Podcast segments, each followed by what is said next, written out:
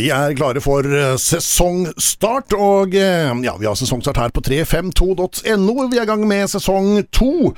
Har hatt en god lang pause fra januar, og nå er fotballen i gang igjen til helga. og Da starter også sesongen i Eliteserien, og det tenkte jeg at vi skulle prate litt om akkurat Eliteserien. For eh, ja, det er lenge siden sist det har vært spill. Jeg har fått inn to av de som kan mest. Ja, Tommy André Pedersen, kan, en av de som kan mest om norsk fotball omtrent i hele landet. Det er nesten rart at ikke noen riksmedia plukka det opp allerede. Vi er sjeleglade for at ingen har gjort det, for da kan vi få lov til å bruke det her lokalt. Og så har vi eh, Per Kristian Thorvik, eh, Pekka, eh, skrid for Thea og Romeriks, Romerikes Blad i en mannsalder, nå aktuell med en sinna, sinna nettside som heter svingslag.no. Er du klar for seriestart, Pekka? Ja, det må jo nødt til å være det nå. Det jeg synes, Det er nesten fælt å si det, jeg syns det kommer brått på i år. fordi de har jo omtrent ikke spilt treningskamper, så, men nå er det bare å komme i gang. Ja, Tommy, eh, har du venta? Ja, jeg gleder meg nå, men jeg er litt sånn som Pekka sier også, at eh, det er så uvant, eh, akkurat som eh, det var litt i fjorårssesongen òg, ikke sant. Og så er vi jo snart 17. mai, og vi har ikke spilt en eneste serierunde. Og da, da går vi litt i sånn der eh, dvalemodus, ikke sant. Vanligvis så, så bruker jo liksom januar, februar, mars til å lese alt som er av nytt rundt laga, overganger, se treningskamper og forberede deg på seriestart rundt påsketider.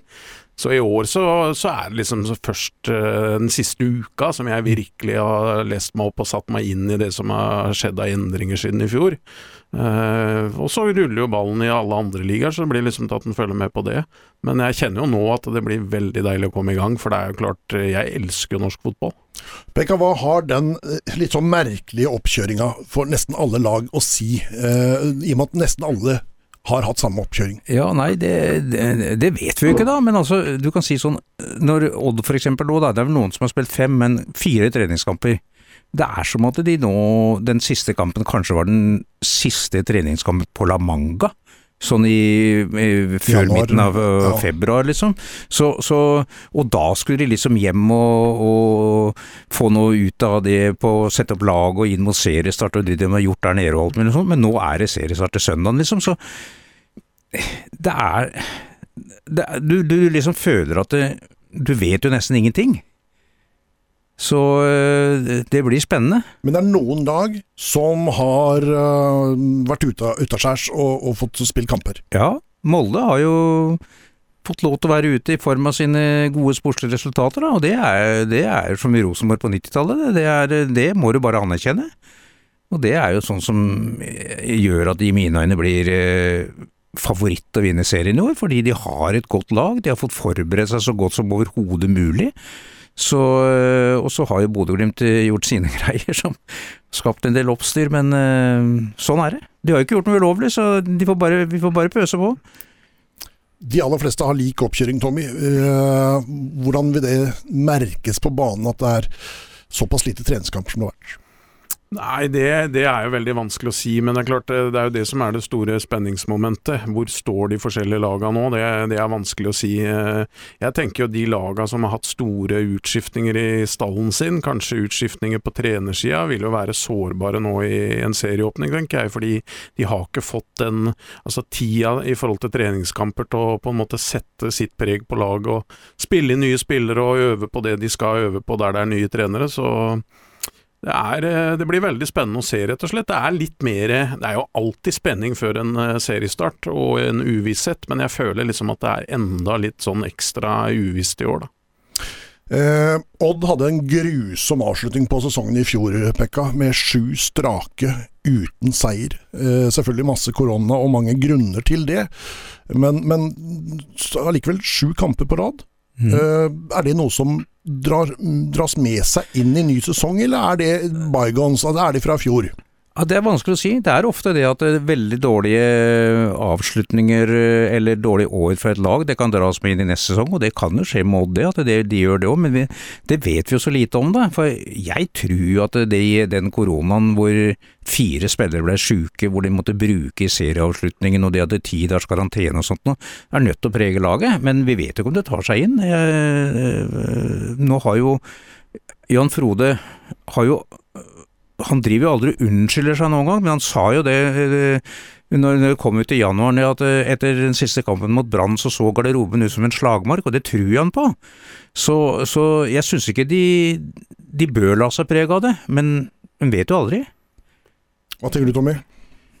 Nei, det er jo klart at det blei veldig spesielt eh, for Odd på, på, høsten i fjor. Eh, de blei ramma av korona, eh, kamper ble utsatt, de fikk treningsnekt. Det blei et helt umenneskelig kampprogram siste halvdel av sesongen, så jeg tenker at det var helt naturlig at Odd sleit da. Det som jeg er litt opptatt av, som jeg har sett lite av, jeg regner med at Odd har evaluert internt, men jeg har sett lite om det i media, var at den lange, dårlige kurven til Odd, den begynte lenge før korona kom.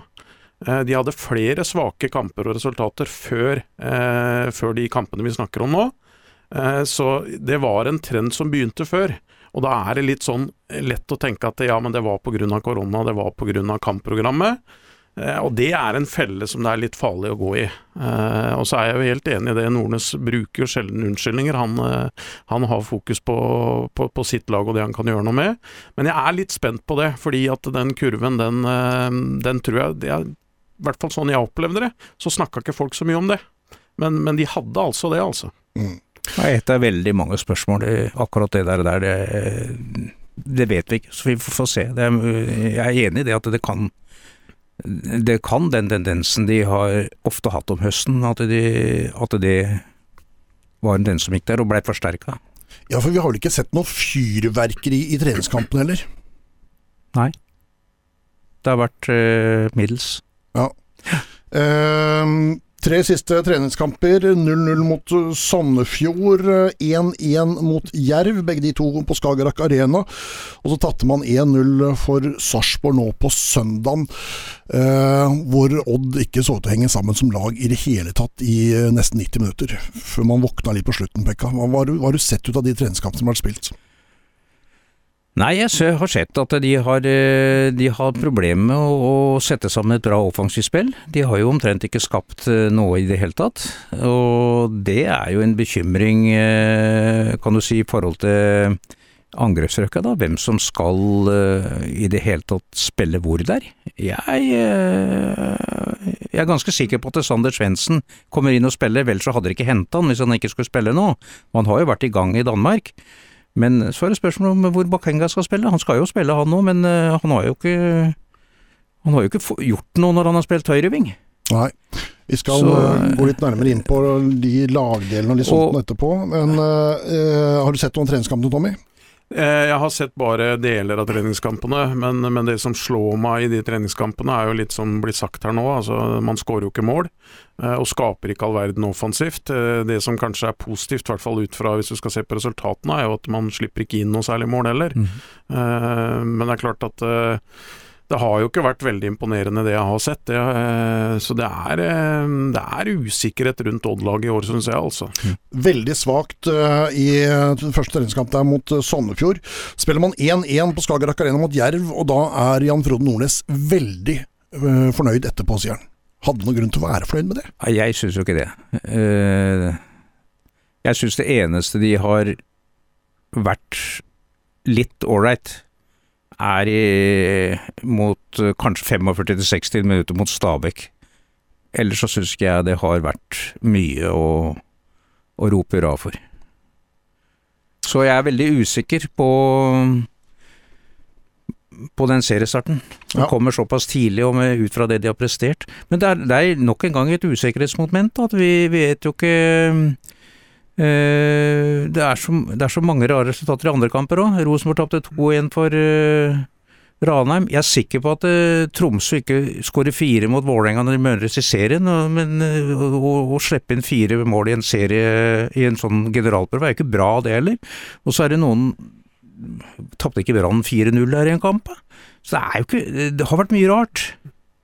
Og så skal det sies at uh, spesielt uh, i den Sarpsborg-kampen uh, som var nå sist, så, så ble det enormt mye bytter utover andre omgang. Og det er klart at det da Da betyr ikke resultat så mye, Tommy. Da er, da er det mer at folk skal få kjenne litt på nivået. Ja, det er sant. Og så er det jo også sånn at, og det er ikke noe annerledes i år, eh, jeg har omtrent slutta å se på treningskamper. Mm. Eh, altså, Én ting er resultatene, de betyr jo egentlig ingenting, annet enn at du kan spille på deg selvtillit, selvfølgelig. Men, eh, men også så du kan jo se litt på hvordan man presterer, men jeg har sett det så mange ganger hvor lag har gått en hel vinter og sett helt forferdelig ut i treningskamper, og så har det endra seg helt når eh, serien starter, og litt motsatt òg. Mm. Og der, der, har jeg egentlig hengt meg litt opp i det Arne Sandstø sa, er at det er så mange av de her etablerte spillerne som går inn sånn halv tolv på de treningskampene. Mm. Og det ser du ofte på vinteren òg, så er det mange av de unge spillerne som på en måte blomstrer i treningskampene, og så tror folk å nå får han en kjempesesong, nå får han gjennombruddet sitt.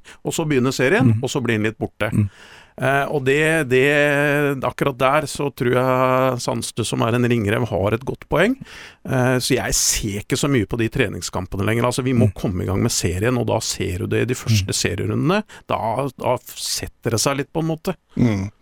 Eh, det har kommet inn eh, hele åtte spillere i eh, Oddstall som er helt nye. Vi skal gå gjennom de én for én, og starter i kronologisk rekkefølge etter når de kom inn. Mm, Egil Selvik blei solgt til slutt til Haugesund etter et års farse rundt andrekeeperen i Odd. Inn har svenske Leo Valstedt kommet i fra Arendal. Er han eh, bra nok som andrekeeper, Pekka? Det vet jeg ikke. Vet ingenting om han. Nei. Jeg vet bare at han brakk armen, ja. eh, og er nå tilbake igjen, så Men andrekeeper, det det er vel mange som ikke har all verdens andrekeepere. Og vi så jo det, hva som skjedde når de hadde en god reservekeeper i fjor, som blir sittende på benken og alt mulig sånt. Og det skaper konflikter, det også. En, en andrekeeper kan vel ikke være for god, uten at det kan Jeg vet ikke. De skrøt jo han der nede, men jeg ja, Aner ikke. Odd har jo fulgt han i, i, flere år, og sånn i utgangspunktet så, så vil jeg jo si at å ha en andrekeeper, Tommy, som, som, er up and coming lovende, eh, er jo bedre sånn for gruppas del eh, og eh, angående gnisninger og sånt noe, enn en, en god etablert en som sitter der og, og gnager. Ja, absolutt. Altså, det er jo litt sånn som det Odd opplevde med Selvik. Han var veldig opptatt av at han skulle spille, og at han ikke fikk de sjansene som han mente han fortjente. Og Jeg vet jo det er mange både rundt Odd og på utsida av Odd som følger med, som, som også støtter jo under det. Eh, så det er klart at her har du en keeper som, som er eh, helt klar på at han skal være andrekeeper. Han kommer til å jobbe hardt på trening hver eneste dag sammen med Rossbakk og med trenerteamet, og så, så, skal han forhåpentligvis være klar eh, når han får sjansen, fordi Rossbakk må stå over eller bli skada vet du aldri, kan komme en langtidsskade. Da står du plutselig i buret der, så da må du være klar. Mm. Men, eh, men, jeg er litt enig med deg, Kim, at eh, det er egentlig greit å ha et, et veldig klart førstevalg, og så har du en up and coming lovende keeper som, eh, som, nummer to. Da blir det i hvert fall ikke noe syting i media, og at ikke du får spille, og at ikke du får sjansen. Og han kommer til å være tålmodig og vet at det her er Han kommer til å sitte på benken stort sett i år, og vet at han skal utvikle seg som keeper på et høyere nivå enn det han har vært på. Og får han spille da, så er det jo ikke noe press på han i det hele tatt. Han er jo bare en ung og lovende gutt som så vidt er ferdig med juniorspillet. Ja da, absolutt. Så, og det er klart at han vil jo eh, Nå har han jo vært i Odd en stund allerede, så er det klart han har sikkert tatt steg bare på den eh, perioden med bedre treningshverdag, bedre keepertrener, bedre altså trene sammen med Rossbakk. Eh, så, så, det er jo helt riktig for han å gjøre det, og jeg tenker det er helt riktig for Odd også å ha en ung, lovende keeper som nummer to. Hvis du har en etablert eh, andrekeeper òg, vet du, så, sånn som situasjonen er nå, så kan du risikere ikke å få spille en fotballkamp. Mm. Det er ikke bra det heller.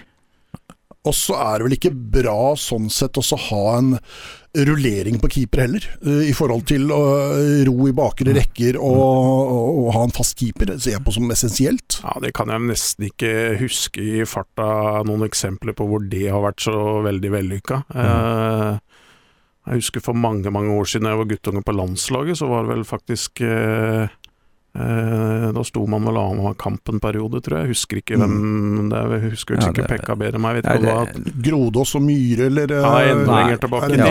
Ja, jeg vet ikke om det Nei, jeg kan ikke, jeg kan ikke huske Nei. det på det nivået. Jeg, jeg, vet jo det at i Skjetten så sto Jon Knutsen og Svein, Svein Hågenrud annenhver kamp en periode, og da var vel de i hvert fall det annen, eller kanskje de var det året de var på førstedivisjon, og det det funka greit det fordi de var jevne, men du kan, gjør ikke det på gode lag, vet du. Sammen med Leo Valstedt så kom eh, Tønsberg-gutten Konrad Vallem. For oss som spiller footballmanager, så er Konrad Vallem et meget kjent navn. Er uh, supertalent. Har hatt altså noen uh, tester som har lukta svidd av på Skagerrak Arena. Uh, Beep-testen løp fletta av absolutt alle. Til og med John Kitolano, eller nei, unnskyld, Josh Kitolano klarte ikke å følge Konrad Vallem. Noen som kjenner noe til unge Vallem? Nei, det er ubeskrevet blad for mm. meg, altså. Det, det lille jeg har sett han i, han har kommet i noen kamper, så syns jeg han har virka ålreit. Så jeg har, jeg har, tenkt sånn, sånn at det, ja, ja, han kan jo komme inn og være med i kamper, det, det absolutt. Det er også et bra rykte fra Arendal, og har vel vært innom aldersgrense landslag og litt forskjellig sånt, så jeg tror ikke det er noe gæren investering, altså. Så, men igjen, du har jo ikke sett nok til de. Jeg tenker jo det er veldig positivt hvis han er en, eh, en løpsmaskin. fordi ja. det er klart, skal du spille indreløper i 4-3-3, det er boks-til-boks-playere. Det er litt sånn som Fevang den gangen han kom til Odd, ikke sant. Eh, du er avhengig av å kunne flytte beina og kunne løpe mye. Eh, så da har han i hvert fall forutsetninger for kanskje lykke som indreløper, tenker jeg. Og kan også spille høyre kant. Så, så, så sa han i et intervju at uh, han var på, oppsatt på at han måtte begynne å skåre flere mål, og mm. det liker jeg. Mm. Folk som tenker sånn, jeg må prege et lag ved å skåre mål, det er utrolig viktig. Ja, enig. Uh, og så er det noen som begge kan ganske mye om. Uh, Magnus Lekven, uh, etter eh, lang tid ute i eh, danske Esbjerg og i ditt lag, Tommy Vålerenga, så er Magnus Lekven klar igjen for Odds ballklubb. hvor mye fotball er igjen i Magnus Lekven? Ja, han er klart over det topp eh, i forhold til det nivået han hadde sist han var i Odd, og når han dro til Esbjerg. Jeg var faktisk nede og så han spille i Esbjerg eh, borte mot Aalborg, og da var han helt outstanding. Han var altså så god og prega den matchen fra start til mål. og Stort sett det som var av Esbjerg-supportere, de gikk med eh, åtte lekevenn på trøya, så der var han en, en stor hit. Så jeg hadde jo enorme forventninger til han når han kom tilbake til Vålerenga må jo si at det, det, har jo ikke vært noe sånn voldsomt. Jeg, på, de, på de årene han har vært der, så vil jeg gi ham kanskje terningkast tre. Um, så skal det også sies at det siste sesongen han var der nå, hvor han fikk spille en del anker igjen når Oldrup var ute, så, så var han helt ok, ok altså. Uh, men han spilte mye indreløper, og det er han altfor treg til. Og han har ikke radius, han flytter ikke beina noe særlig fort. Han har jo aldri vært noe spesielt temposterk, han har jo vært kjapp i huet og fotballklok. Eh, men som indreløper, det var derfor jeg var veldig spent når Odd henta han. Eh, skal de bruke han som indreløper, eller skal de bruke han som anker? Eh, for som indreløper så, så, mener jeg at han ikke er god nok for Eliteserien lenger. Men som anker så, så kan han gjøre en ålreit jobb. Men fortsatt så har han han har svakheter defensivt fordi han eh, Det går for seint, rett og slett. Han kommer for mye på etterskudd, og det, det blir frispark og det blir noen gule kort. Og, men det er klart at fotballhuet hans er jo like smart som det alltid har vært. Så kanskje det er lurt da med, med, med årets eh, Odd-utgave å ha en rutinert spiller som på en måte kan holde roa, og han er jo fortsatt god til å, til å holde på ballen. Pekka han er eh, den foreløpig siste i en lang, lang rekke med hjemvendte Odd-profiler som har lykkes. Du har eh, oppsummert de ti beste på svingslaget i det siste. Eh, hvordan er Kommer Lekven til å komme med på den lista? Ja, det, det, får vi jo se nå, da. fordi han, han begynner jo å dra på åra. Så det er, er vel veldig avhengig av hvor mye han får tren, eh, trent, hvor mye han eh, er i stand til å trene hvis det er, noen skadeproblemer og alt mulig sånn som detter ut, at han, at han kan bli et samlingspunkt. Det er, jeg også tror på han som da at han kan bli det som et anke på midtbanen, som den rutinerte blant de unge gutta ved siden av seg og alt mulig sånt nå. Men det er jo alltid et spennende prosjekt når folk begynner å komme i den alderen. Hva med skader, hva med jeg tror han er motivert. Det ville forundre meg hvis han ikke var det som alle de andre gamlingene som har kommet tilbake har vært og alt mulig sånt. Han har lyst til å vise at han fortsatt kan. Men vi er, vi er jo ikke sikre på det, da. Vi får se. Han sier sjøl i huet uh, ja, mangler ja. ikke motivasjon. Ja. Uh, han sa det på podkasten mm. hos meg sist, at jeg kommer til Skien for å vinne noe. Mm. Nei, jeg er enig. Jeg synes han, De kampene jeg så av Vålerenga hvor han spilte sånn, syns jeg han var right. Det var uh, greit nok. Så og det tror jeg også. Motivasjon Ja. tror jeg det er nok av i massevis. Jeg- Ja. Han, altså det, sånn som jeg opplevde i Vålerenga også, han ga alltid alt. eh, og det var aldri noe sutring eller klaging. Så, så han uh, syns fortsatt det er gøy å spille fotball. Så at han er motivert, det er ikke noe tvil om. Eh, og, og han kan være en viktig bidragsyter som, med, med de unge gutta rundt seg, i garderoben, i treningshverdagen. Eh, Men jeg er usikker i forhold til det som jeg sier med tempo, og eh, så vet vi jo det at når du kommer i den alderen, og hvis skadene først begynner å melde seg, Mm. så kommer det gjerne flere. Ja. Bank i bordet. Han har vært eh, veldig heldig i skadesituasjonen. Har ikke vært noe skade nesten eh, noensinne på, på Magnus. Eh, neste som kom inn døra, er, var rett og slett rein brytekamp mellom Odd og mange andre klubber. Det var eh, Solomon Ovoso, Solo som han kalles, fra Raufoss. Veldig mange klubber ville ha han. Han ville til Odd for å eh, reconnecte med Martin Reier, som har vært trener for han tidligere. Solo, hva tror vi om han? Jeg, han imponerte meg litt, for at han, eh, han eh, er rask. Han ser ut til å ha ålreit ferdigheter. Er ikke redd for å bli med framover. Og har et ok pasningsspill, så han er jeg faktisk veldig positiv overraska over. Eh, så eh, Og meldingene jeg har fått fra Raufoss på han, er udelt positive. Så så langt så syns jeg han ser ut som den beste de har signert. Tommy? Ja, det er jeg helt enig i. Eh, Jeg hører også at han har imponert etter han har kommet til Skien. eh, Og det er også en spiller som kan bekle flere posisjoner. Ja. Eh, Jeg er helt enig. Jeg syns det ser ut som den klart mest spennende og den beste signeringa Odd har gjort før den sesongen her. Eh, kan spille mm, midtstopper, kan spille back, kan spille indreløper, kan spille sentral, kan spille kant. Ja. Eh, når reglene er som det er, at du kan kun ha 25 mann i, i norsk eliteseriestall, så er det jo fantastisk å ha en sånn potet. Ja da, det er, eh, det er gull verdt, og det, det kan man jo se nå allerede kanskje i serieåpninga, ikke sant. Fordi det er usikkert om Hagen skal spille, ikke sant. Da har du plutselig et alternativ der som, som stopper. Han kan spille back, som du sier, han kan spille flere plasser. Eh, så det er klart at det er jo en kjempefordel for en trener å kunne ha, ha en sånn spiller. Så vet vi også det, det har vi jo sett litt i Odd også, at det å bli flytta litt rundt sånn som en potet, det er ikke alltid like heldig det heller. Fordi du blir ikke rendyrka i, i den rollen og Mm. Hei, Håvard Storbekk. Ja. Hei. Håvard. Blant annet. men, eh, men jeg tror nå eh, Vi får nå se litt åssen sesongen går, men jeg tror han kanskje fortrinnsvis eh, kommer til å bli brukt i den bakre firer, jeg, da. Mm. Eh, inn fra Brann, uh, fra de færøyske klipper, kommer eh, Gilly Rolandsson. Hva tenker vi om det, Pekka?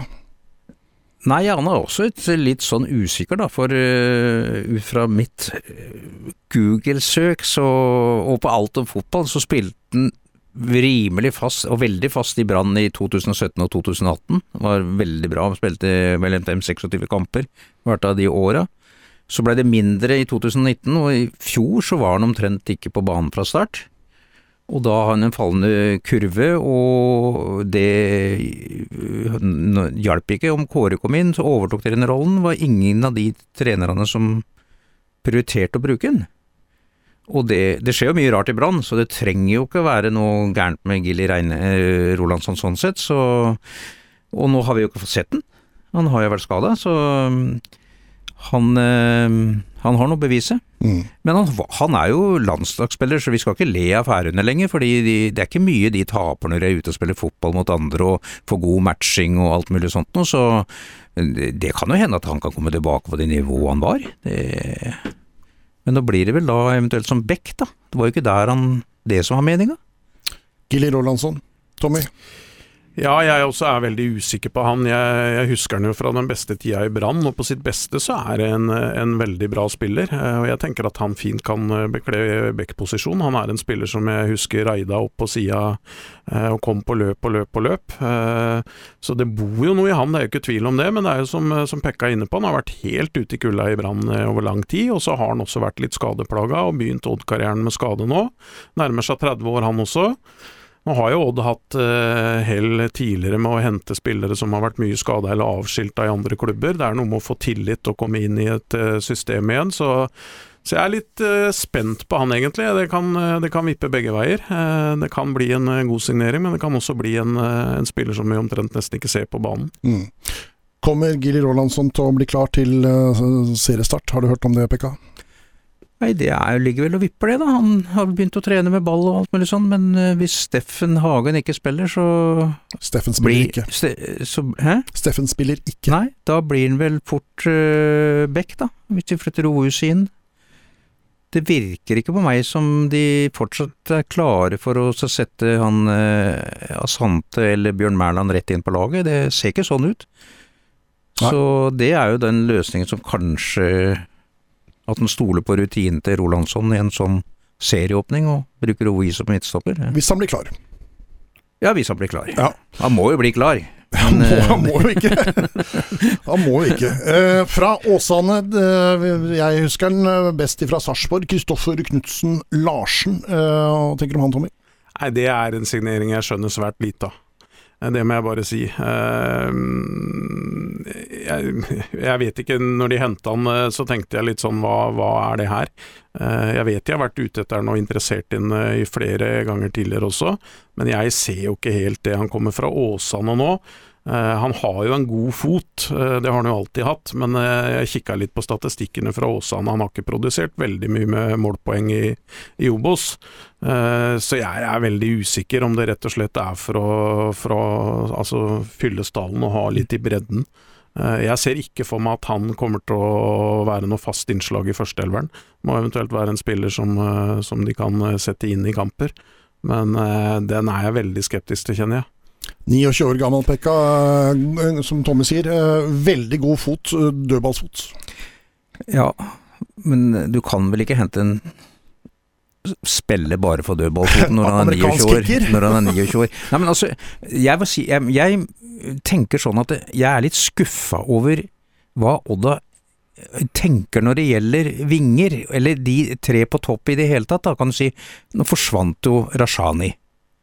Og han var vel den eneste som var rein, ja, uh, rein ving, øh, som, som, du kunne stole på i fjor. Så kjørte jeg opp uh, Markus Kaasa, og det, det syns jeg var ganske vellykka, men han var jo ikke ving han heller, da, men jeg tror han kan bli det.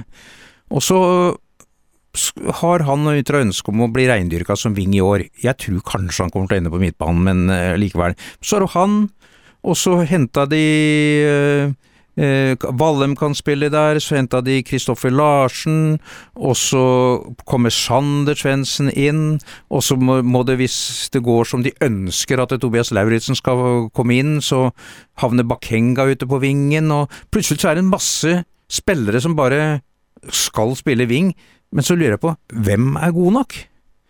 Og da er jo Sander Svendsen skal jo spille, da, og da må det bli Bakenga hvis Lauritzen skal inn der, og det kan være ålreit, det, men Bakenga er jo den beste spissen de har. Så jeg er litt Jeg er ikke helt komfortabel med det, for jeg syns det skjer så lite framover på kantene, samme hvem de bruker.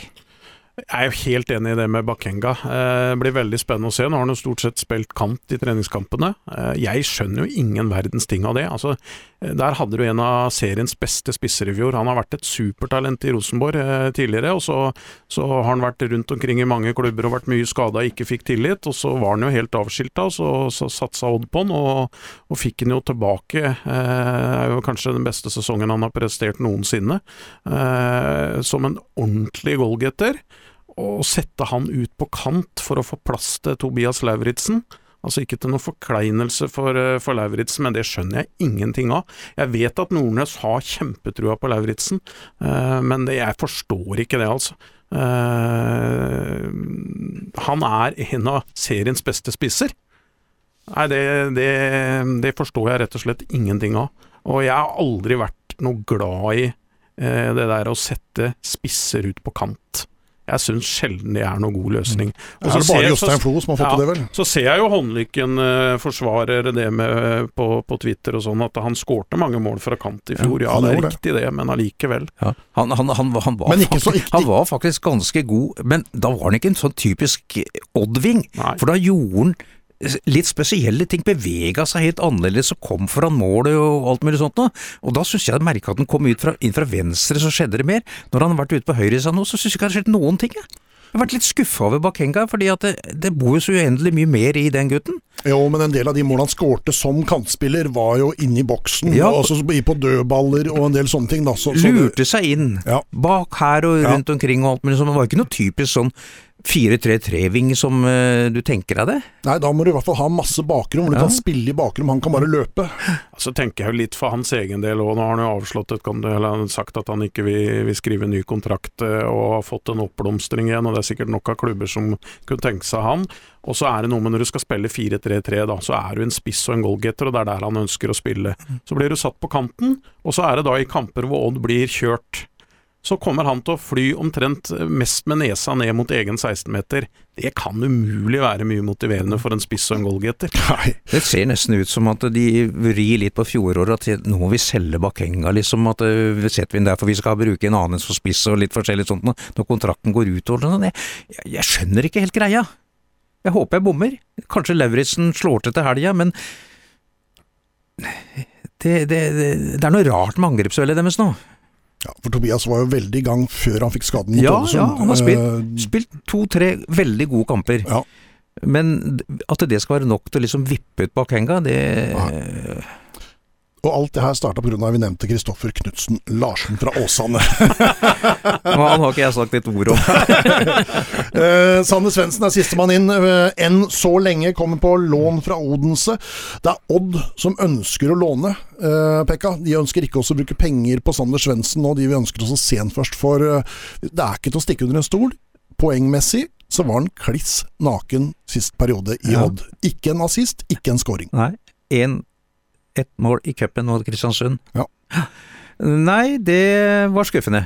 Eh, mye bra ellers, men som jeg sier, det gjelder å skåre mål. Og så er jeg litt usikker. Jeg har jo ikke fått noe sjekk på når går kontrakten hans ut. Han kan jo fort være et nytt sånn Hammarby-tilfelle, hvor Hammarby plasserte den i Odd. Så spilte han så godt at eh, Odense plutselig betalte penger for ham for å få den. Kanskje han slår til nå, og så selger Odense videre når det kommer nå. Brann vil jo ikke ha han eh, når han var på lån der. og sånn. Jeg, han er, jeg syns han plasser i laget nå. eh, Men, men jeg liker jo ikke sånne lånespillere, jeg da. Fordi at eh, spiller dem godt, så er det jo null verdt for klubben den dagen kontrakten går ut. Og nå er det en halv sesong igjen. Jo, jo, men, men, men ser du ikke også Odd sin til det? Altså, I stedet for å da betale fem millioner kroner for Sander Svendsen, og så får du katta i sekken? Ja, selvfølgelig. Jeg ville ikke betalt fem millioner. Nei, Da tar jeg på lån. Altså, kontrakten hans går ut juni 23. Ja, nå, vet, nå er jeg ikke helt sikker på det, men jeg, Odd pleier jo ikke å bruke eh, lån med opsjon. Og det er det verste jeg vet. Låne spillere uten å ha en kjøpsopsjon, det syns jeg er helt meningsløst. Fordi det som skjer da, er at hvis han slår til den klubben, så blir han jo enten henta tilbake til den klubben han lånte ut fra, eller så kommer noen andre og snapper den. Har du en opsjon, så har du i hvert fall en avtale som du har mulighet til å kunne benytte deg av. Eh, men det avhenger selvfølgelig av at spilleren også vil være videre, da. Det så vi med han dansken vi lånte i fjor. Ja, eh, og, og det er klart at det, det syns jeg er rart, at man går inn på disse lån, låneavtalene uten opsjon. I forhold til Sander Svendsen så er jeg jo helt enig, det var jo store forventninger til han sist han kom i Odd. Eh, jeg syns han var helt ok, eh, men, men det er som dere sier, han, han, det var ikke noe sluttprodukt. Eh, og så kom han jo ned til Danmark igjen, og så begynte han å skåre mål. Der spilte han vel spiss i 4-4-2, og det har jeg sagt lenge. Det sa jeg også sist han var i Odd, at det er der jeg ser han er han, som én av to spisser i 4-4-2.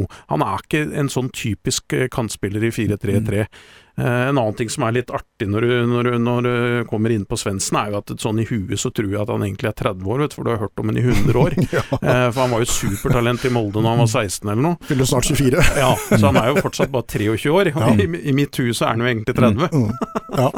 Eh, jeg havna altså i en eh, litt eh, stor eh, Twitter-diskusjon med Oldrup Jensen om Sander Svendsen, hvor jeg mener at Sander Svendsen Fram på banen i 4-3-3, kliss naken.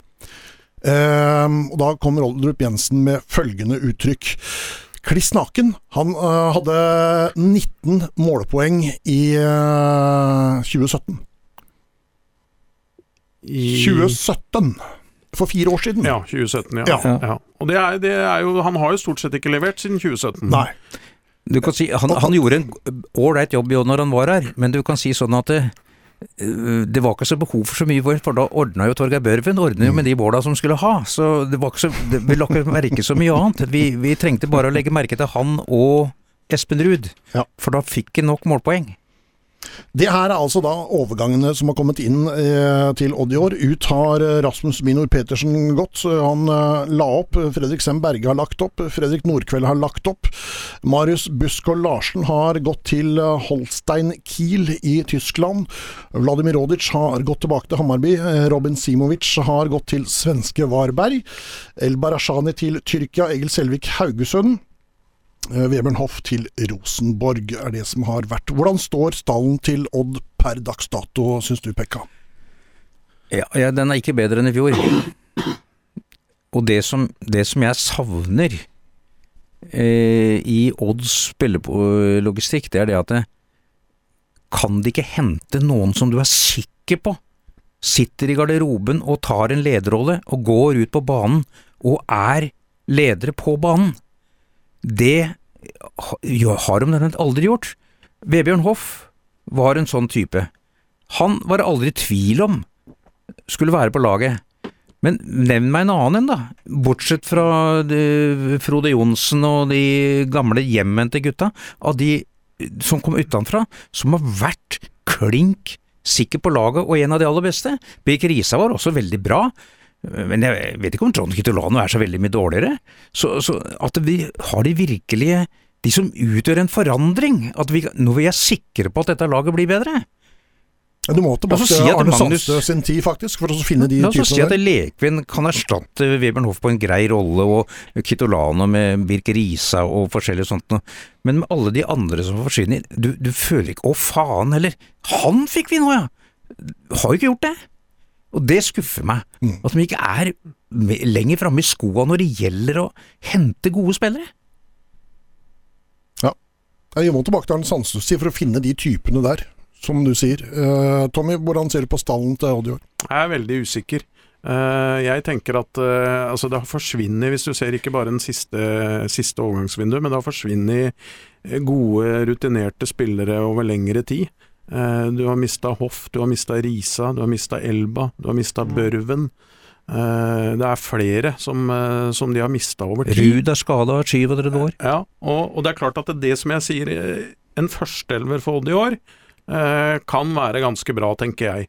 Eh, men de er utrolig sårbare i forhold til skader. Nå er, som Pekka sier, Ruud er vel ikke tilbake før over sommeren. Jo, jo.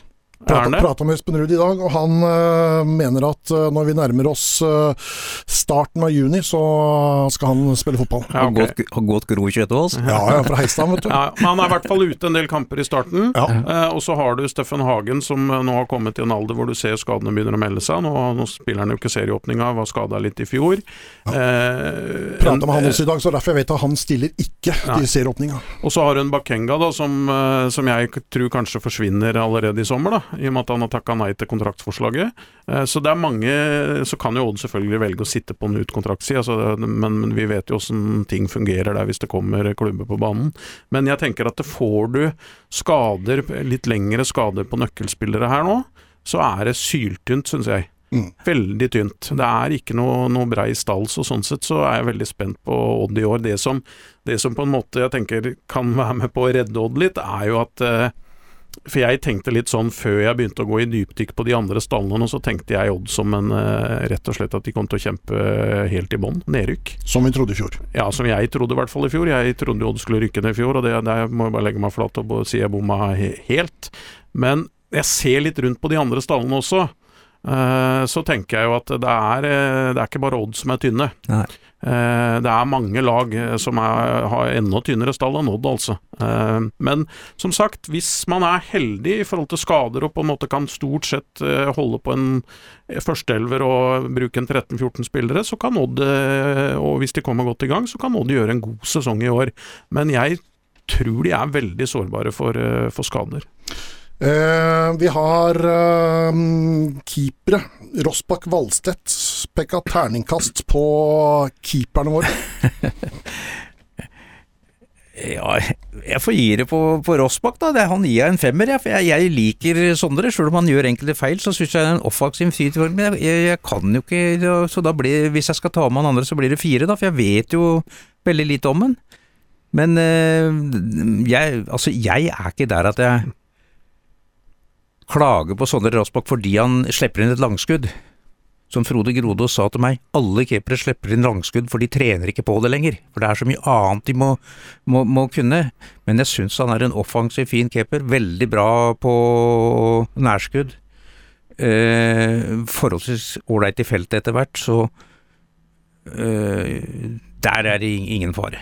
Reaksjonsmessig så er det jo ja. høy klasse. Ja. Og, og um, sette i gang spillet også, ja, med føtter og kaste. Det er også meget bra.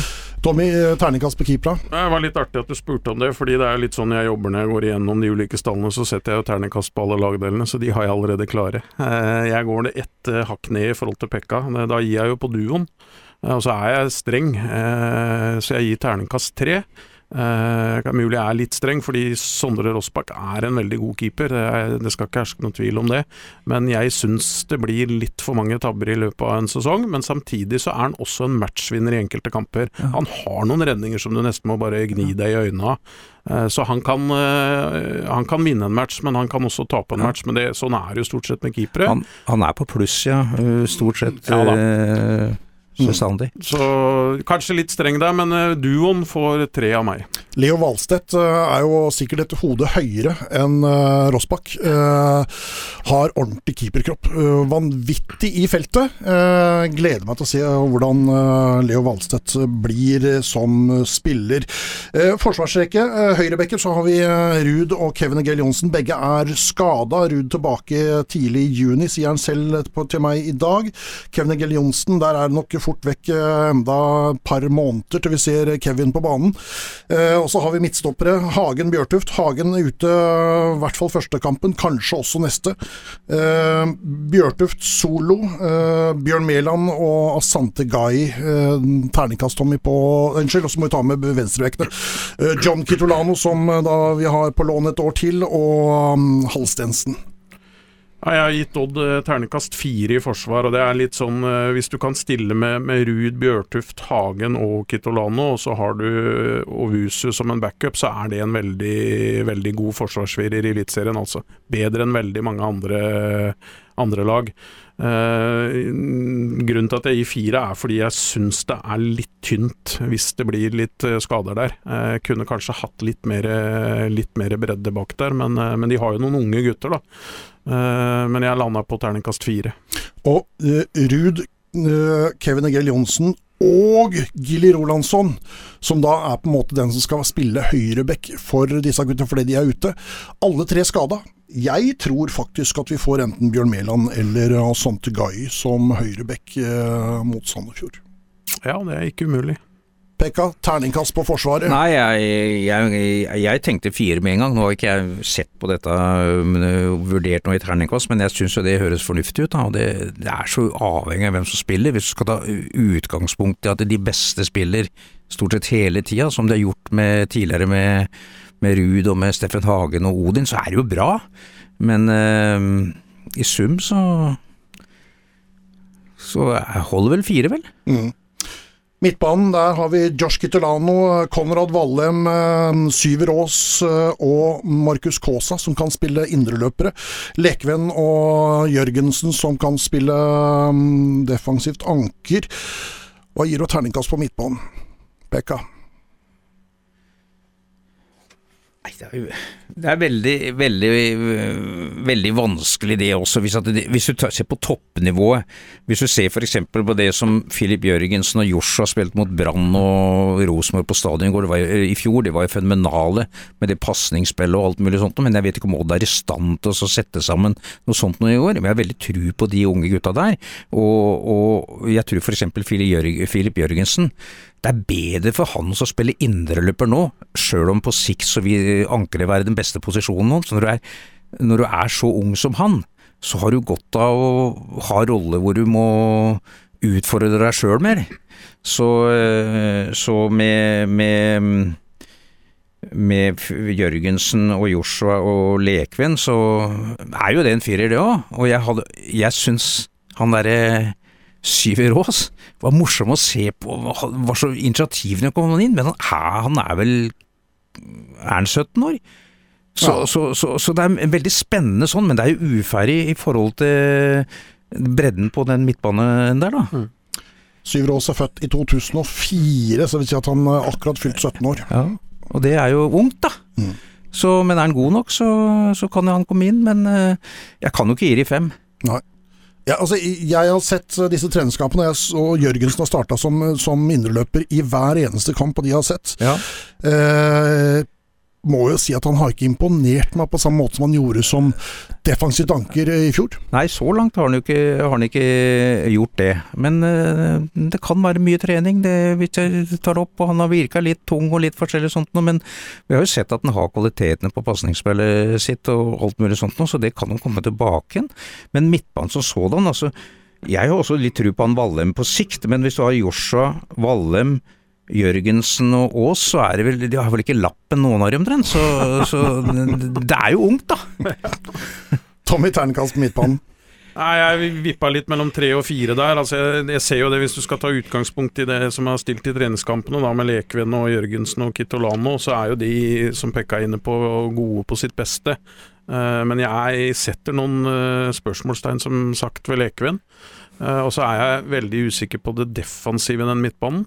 Eh, med Lekevenn og, og, Jørgensen først og fremst. Kitolano er jo en, en ballvinner og en presspiller som løper og løper, men jeg er usikker på hvor gode de er defensivt. Så, så, så er det jo tynt eh, bak igjen, da. Ikke sant? Aas, som vi sier, 17 eh, år. Vallem, som kommer inn og ikke har spilt på det nivået her før. Og så kan du bruke Kaasa også. Jeg spådde jo egentlig at Kaasa skulle få et ordentlig gjennombrudd i fjor. Han, han, var jo ikke dårlig, men han fikk vel kanskje ikke det gjennombruddet som jeg hadde håpa på i form av målpoeng, i hvert fall. Mm. Så jeg landa på en treer til slutt der. Men som Link-spiller i fjor, eh, mellom midtbane og angrep, så syns jeg Kaasa var kanskje det mest positive av indreløperne i fjor. Eh, satt opp veldig mange gode angrep og sett tall på det også. og har vært involvert i enormt mange mål, uten å ha poengene, som du sier. Ja, og, og, men Kaasa er en spiller som jeg har stor tro på. Men så er spørsmålet hvor mye kommer han til å spille, og hvor kommer han til å spille hen. Mm. Ikke sant? Jeg har jo eh, Hvis jeg skulle tenkt det laget sånn eh, nå, så ville jeg jo kanskje brukt eh, Jørgensen som anker. Hadde også kanskje Kitolano og Kaasa som indreløpere. Eh, men Jørgensen var jo outstanding når han kom inn i fjor, og så var jo, men så slokna det jo litt. Ja, det var, så, Han ble jo han ble satt ut, så, satt ut fordi Hoff skulle spille. Ja, og så kom han jo ikke helt tilbake igjen til hektene. Og så har jeg sett for lite i de treningskampene til å kunne vurdere den som en indreløper. Men hvis det er sånn at ikke han finner helt uh, formen som indreløper, så, så ville jeg vurdert, uh, vurdert den som anker igjen, da. Mm. Så kanskje fått Kaasa inn og Lekvenn på benken, rett og slett. Mm. Ja. Vi skal til uh, angrepsrekka. Uh, to stykker som framstår som reine spisser. Det er um, Mors Bakenga og Tobias Lauritzen. Kantspillere Sander Svendsen, Kashi Knutsen Larsen på venstre. Gilly Rolandsson, Elias Skogvold. Kanskje Markus Kaasa høyre, kanskje Bakenga høyre, kanskje Lauritzen høyre. Altså, det, vi vet jo ikke helt konsentrasjonen som uh, trenerapparatet jobber med her. Sånn. Uh, Tommy, hva tenker du om angrepsrekka? Nei, det er, det er, litt usikkert det også, ikke sant. Så blir det litt sånn hvor spiller Bakenga? Eh, hvis en kunne tenkt f.eks. Bakenga som, eh, som midtspiss, da, og så Svendsen og ja, kanskje Rolandsson på kant, eller Kaasa på kant, så, så er, jo det, er, jo det, en bra angrepsrekke, tenker jeg. Eh, men det er jo litt sånn, hvis du dytter da Bakenga ut på kanten, Lauritzen inn som spiss, da faller det fort eh, litt på, på terningen for meg, altså. Fordi ja, Tobias Lauritzen gjorde noen gode kamper før han ble skada, så ut som det kanskje løsna litt, men bortsett fra det så har ikke han vist meg noen ting som tilsier at han skal være en uh, spydspiss i Eliteserien. Uh, så det er jeg veldig usikker på, rett og slett. Og, så jeg har landa på terningkast tre der også, på, på angrepsrekka. Mm. Terningkast tre på angrepsrekka, hva sier du Pekka? Ja, jeg kan jo, ikke, kan jo ikke si meg uenig i det, for jeg er også veldig usikker på det. Eh, jeg tror, jeg tror også Kaasa havner lenger tilbake på banen, at det blir en ledig vinkplass der, som kanskje Ronson bør ta. og Jeg mener jo absolutt at Bakenga må spille midtspiss, og det, det Tre av tre i studio mener at han skal spille spiss. Da så blir det sånn. Men så, ja, altså når det gjelder da laget som sådan, altså du kan si sånn at uh, nå, nå Jeg er jo av natur litt pessimist. Tror alltid at dette kommer til å bli dårligere enn det egentlig gjør. Og jeg har jo ikke også veldig bare i, i tidligere med, med mm, når Varden og Thea har de så jævla høyt oppe på så, så tenker jeg at dette kan aldri gå. Så går jo atskillig bedre enn var. Og så må jeg si, jeg er veldig imponert over hvordan Jan Frode framstår første gang. Jeg tror han har bra folk sammen med seg i Reier, og nå har Knut Rønningene kommet inn, og han eh, Firingsnes, han danske fy, fysisk trener, som jeg når, når han dreiv i forfjor, da, jeg har ikke fått sett på treninger i det, sånn som han dreiv med de unge gutta, med Bjørn Mæland, han Philip de Raveres og alt mulig sånt, og fikk dem fram og gjorde ting og tang.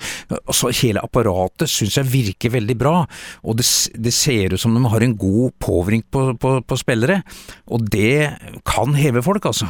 Det, det, så plutselig så kan det noen du ikke har regna med eh, stå fram. Altså, Philip Jørgensen hadde vi jo knapt nok hørt om før, før han spilte en kamp mot eh, et russisk lag på La Manga og gjorde tre store feil. Så tenkte jeg ja ja, Philip, da har du i hvert fall fått tatt ut eh, hvor, hvor nivået er hen. Og de, neste gangen så tok han det. At du liksom Sånne ting har jeg tro på de som driver dette laget her nå, kan mye om. Hvordan de skal få det beste ut av folk. Så får vi se om de er gode nok. Jeg trodde jo Jan Frode hadde blitt stein hakke gæren når han spilte med han i, både i, i Bergen og mot eh, Start. Og, Ja, altså, ja. Trodde Så- han var gæren. Så det, det, plutselig at det noen kommer opp, kanskje Syver Aas plutselig står fram der og er eh, det store navnet og alt mulig sånt noe. Det eh, skal aldri si aldri når det gjelder unge gutter. Vi har jo eh, har jo en som herjer i Tyskland, da, som, uh, og alt mulig sånt noe, uten at noen skal tro at de, noen i Odd kommer til å gjøre det. At de kan ta et steg i norsk fotball, det har jeg absolutt tro på. Og da må en trener være litt smart, og jeg tror de gutta som er der oppe nå, er det. For seks år siden skårte Braut Haaland på heibanen eh, for Bryne 2 mot Hei etter ni sekunder.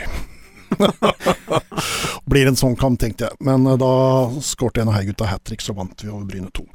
Uh, ja, det er uh, laget Ja, det er, en, det er en fin gjeng, tror jeg, som Jan Frode har fått med seg. For han er hovedtrener, og så har han fått inn Knut Rønningene som assistenttrener.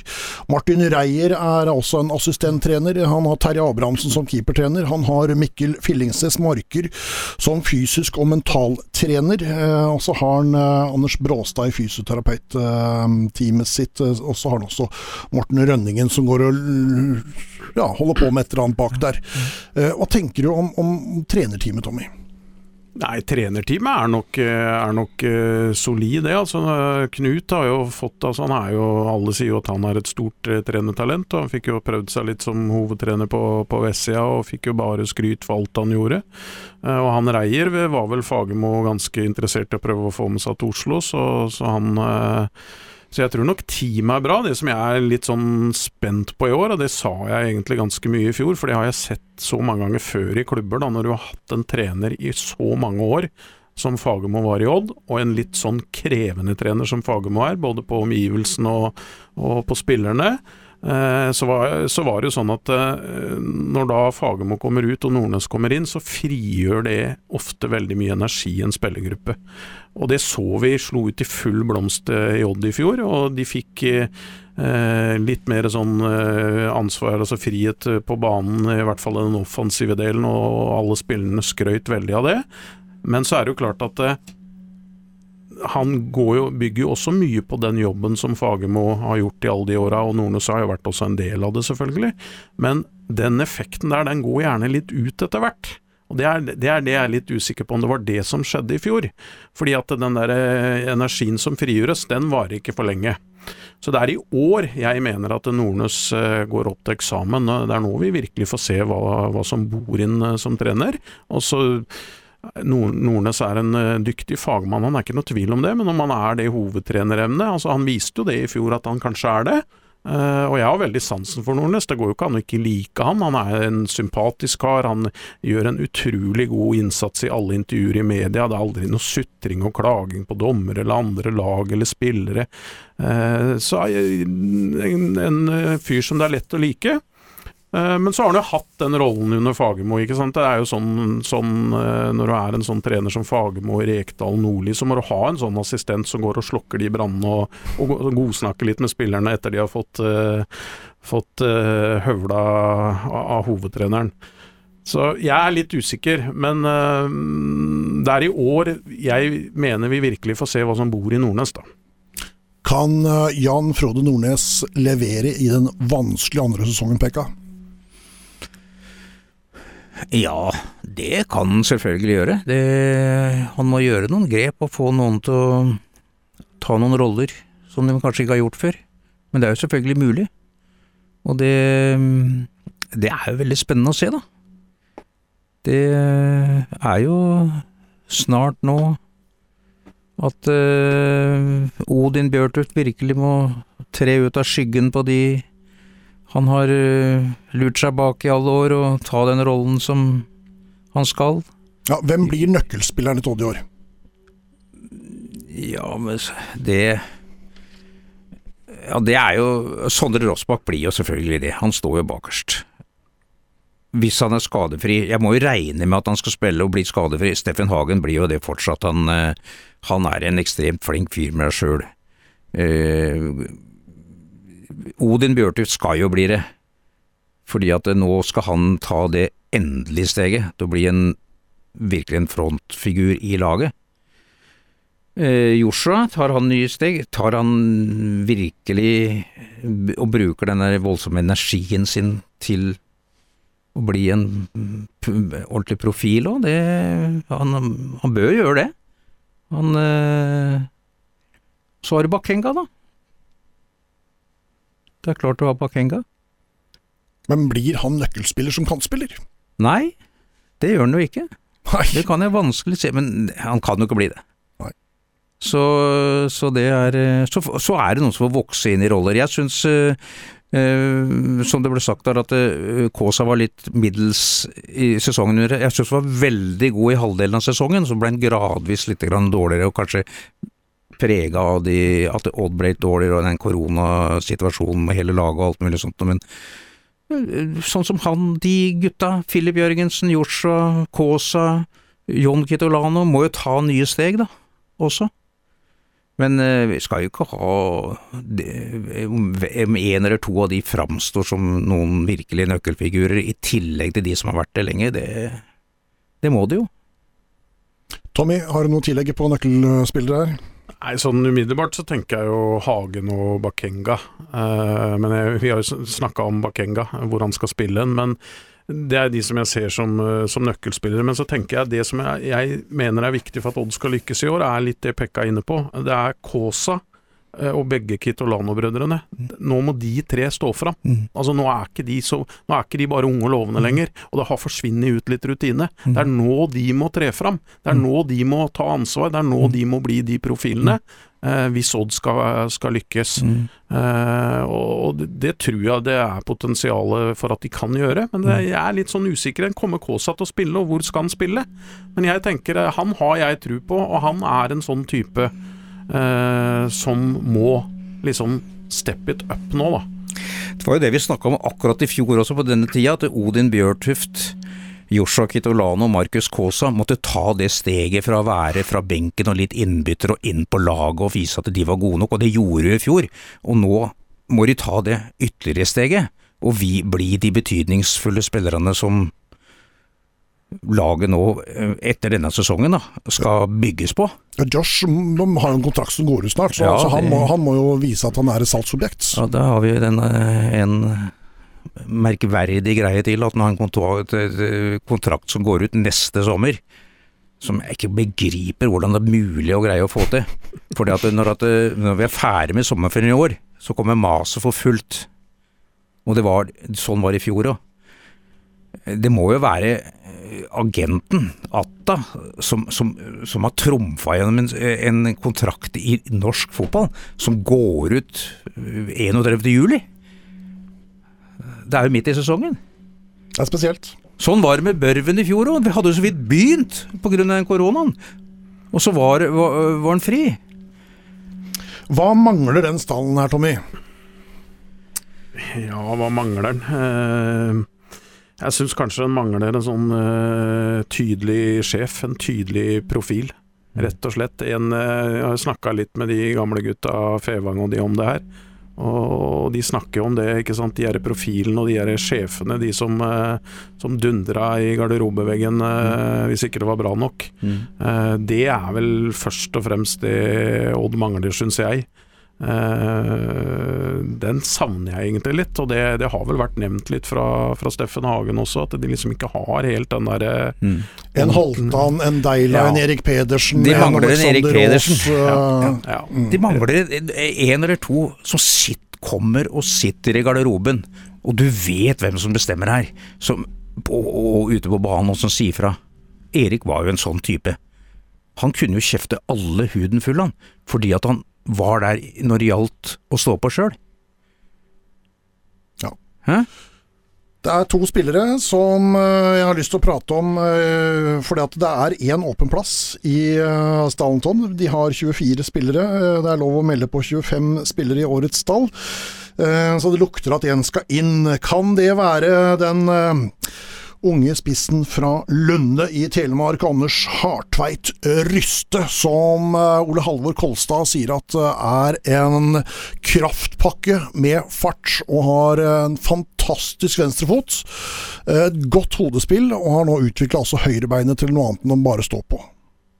Ja, det, jeg ser jo det har vært litt skriverier om henne, Jeg har ikke noe kjennskap til den, bortsett fra det som har stått i avisa, men jeg har hørt litt at uh, han har vel signalisert litt sjøl at han eh, ønsker seg til Odd. Uh, og den veien i forhold til toppidrett, og da tenker jeg at uh, med et så stort talent i Telemark, så kan jo det umulig være noe å lure på, tenker jeg da. Nei. Eh, her også kommer det så masse rare signaler fra Odd her, at timinga må stemme, sier Tore Andersen til Telemarksavisa. Pekka, hva tenker du om det? Nei, hvis han er så god som de sier, og scorer like mye som Haaland gjorde i en situ og sånt, så da passer vel i grunnen timinga alltid, vel, gjør den ikke det? Jeg er ikke bare for Det Odd å legge ting til rette, da. Ja, det er jo bare å hente, da. Det er jo, har ikke noe med timing å gjøre. Jeg skjønner Nei. ikke hva Tore Andersen snakker om. Nei. Jeg, jeg skulle gjerne fått det, Ja. fått det fortalt litt, akkurat hva det gjelder med Nei, timing. jeg, jeg skjønner ikke at det skal være noe annen timing, og hvis han vil begynne på toppidrett, så er det jo bare å begynne. For de gutta der er jo Terje, jeg vet ikke om han er inne der nå, og Hagen og Lasse Jørn og sånn, er jo flinke folk, så det, det er jo bare å, å, å sette i gang. Så det Hvis det er et problem, så skjønner jeg det ikke. Jeg spurte Ole Halvor tidligere i dag eh, hvor kommer Anders Hartveit Ryste til å spille fotball hen i sesongen 2021. Det får du greie på om noen få dager, sa Ole tilbake da. Ok, Da Men- kan det jo hende det, det Ja. skjer noe nå, Ja. da. Og har eh, tydeligvis takka nei til tre eliteserieklubber, ifølge Ole Halvor Kolstad. Eh, Som da er eh, manager og agent, virker det som, for Anders Hartveit. Eh, men gutten ønsker sjøl å spille for det. Han er Odd-supporter. Ja, men da, Da da tenker det. jeg det løser seg. Ja. Ja. Altså Hvis han øh, ønsker sjøl til Odd, så, så er det jo der han havner. Bor i. Lunde. Ja. Eh, Jeg skal ha Lars Jørn Fredriksen her i studio på Brassberg Brygge på søndag. Det er eh, serieåpning, og han skal være ekspertkommentator. Jeg skal høre med Lasse Jørn hva det er for noe. Hvis du, hvis du ser på Oddsdal nå, da. Det, det virker liksom sånn i Odd at det, nå har vi de spillerne, og da må vi ha de. Men det er jo, det er jo noen i den stallen her som ikke får spille. Mm. Og som Odd bør forsøke å bli kvitt. Det må, må jo være lag i førstedivisjon og alt mulig sånt noe som kan hente og ha nytte av spillere som Kachi. ikke kommer på laget. Mm. Ja, Kachi er, jo alltid sist i køen. Elias Eh, Skogvold. Skogvold er det. Kjekke gutter og alt mulig sånt noe. Men de, de koster jo klubben en million i året. I hvert fall. Som de da kunne brukt til å få kanskje noen av de derre en eller to av de gode spillerne å legge på litt. For at du trenger ikke å ha 24 mann, for når du har Blant de er for mange som du ikke tør å bruke. Og når du da henter kanskje spillere som heller ikke er så veldig mye bedre som sådan, så sitter du igjen med noen som sånn at det, Hvorfor gjør de det? Ja, og det, Der har vi et eksempel i forhold til Kachi. Eh, og så, så, henter du Larsen. Eh, det er i mine Det er marginalt, altså. Eh, Kachi har ikke slått til Odd i det hele tatt, og, så, så kan en godt tenke Men når du da først henter inn Larsen, så tenker jeg det ville være helt naturlig å bli kvitt Kachi. Og så vet jeg jo at han har sagt sjøl at han ønsker å være i Odd og kjempe for plassen. Men, eh, men eh, å sitte både med Kachi og Larsen, den, eh, den skjønner jeg ikke helt. Nei. Det må jo være det, Folk må jo ønske å spille fotball. Mm. Tommy, du som ser litt utenfra som Vålerenga-supporter. Er det noen på det, i den stallen av de 24 spillerne som du veldig gjerne kunne tenkt deg å hatt til Vålerenga? Ja, eh, jeg, jo, jeg, har jo hatt lyst til å ha hatt Steffen Hagen i flere år. Nå er jo det toget Nå har aldri det vært noe tema heller, altså, men, men jeg kunne godt ønska han. Men eh, kanskje ikke nå, fordi nå er han jo For fire år siden? Ja, da, da hadde det jo vært en fantastisk spiller å, å fått inn i Vålinga. Eh, ellers er jeg litt sånn usikker i forhold til hvis vi ser på de tre fremste, så tenker jeg nei. Eh, men det er jo kanskje litt fordi det er der jeg syns Vålerenga er best eh, dekt også. Uh, nei, det er, ikke, det er, ikke, veldig mange jeg tenker her at oi, det hadde vært en kongesignering. Mm. Jeg hadde veldig lyst til at Vålerenga skulle hente Hoff når det var aktuelt. Så det var jo absolutt en spiller som, som går i den kategorien. Nå, men nå blei jo ikke det noe, ble jo Trondheim istedenfor han. Men nei, egentlig ikke noe sånn det måtte vært en Hagen for en, uh, noen sesonger siden. Mm. Uh, hva, hva, sier det om, uh, om Elveren, eller om, om, de 24, Pekka, at det er supportere fra andre klubber som, som mener ingen av de hadde gått inn og heva laget? Ja, det Nei, det vet jeg ikke. Jeg tror jo eh, Altså, Vålerenga har jo en god elver. Det er ikke så veldig greit å gå inn og utfordre elveren der, men eh, jeg har, jeg har tro på han Owusu på litt sikt, bare han får spille seg, så tror jeg det blir god, god spiller. Espen Ruud vil jo ikke være noe god for Vålerenga nå, men uh, han har jo absolutt Han har, han har jo vært Eliteseriens beste back i årevis, ja. i form av sine ja, ja, målpoeng. Absolutt. Så, så sjøl om han har noen defensive mangler og alt mulig sånt, så er jo det en spiller som han var jo på årets lag til de fleste avisene i fjor høst og alt mulig sånt noe. Hadde 17 målpoeng som høyreback, 36 år. Så, så, du kan si sånn um, Det er litt aldersmessig gærent og alt mulig sånt noe, så, men, men, du kan si sånn at uh, for, et, uh, for et lag uh, som, som, som er i utgangspunktet nå det har en bedre sal. Molde har et bedre lag enn Odd, men de de spilte jo på Skagerrak da Odd var midt i koronaen. Og det sto vel 1-1 eller 1-0 til Odd til 70 minutter var spilt. Så det er jo ikke stor forskjell sånn i enkeltkamper. Men det er klart at uh, vi kunne alltid tenkt for bedre spillere. Mm. Det, det, sammensetning av laget blir viktig nå. Sett opp det rette laget, så kan det gå bra. Ja, og det er bare sånn på det så tenker jeg jo det, det er jo Én ting er jo liksom, men det er ingen av de har liksom vært sånn wow, kommet til Vålinga Men det er ikke dermed sagt at, eh, at Odd er et dårlig lag. Altså Det er kollektivet. Det er der Odd må gjøre det. Mm. Ikke sant? For de har ikke de der store stjernenavna. Ja, du har jo Bakenga hvis han skal spille spiss, mm. blant de beste spillerne i Eliteserien. Eh, eller beste spissene, i hvert fall. Men der har jo Vålinga Ørn Kjartansson. Eh, men det er jo det kollektivet. Det er jo ja, der Odd må stå fram. For de har ikke de stjernene, og de har ikke de der profilene som de, som de har hatt før, som vi har snakka om tidligere. Mm. mm. Det er jo om et halvt år så er det mange som kan komme til å sikle til Jorsk Catalano, hvis ja. at eh, utviklinga skjer. Så det, det, det, skjer fort i fotball. så ja. det... I Berlin så sitter det en keeper som øh, kontrakten går ut på nå om øh, ja, hva blir det for noe? 30 Ja, ca. 50 dager. Så går kontrakten til Rune Jarstein ut. Skrev han ikke ny kontrakt, da? Nei. Nei. Ja.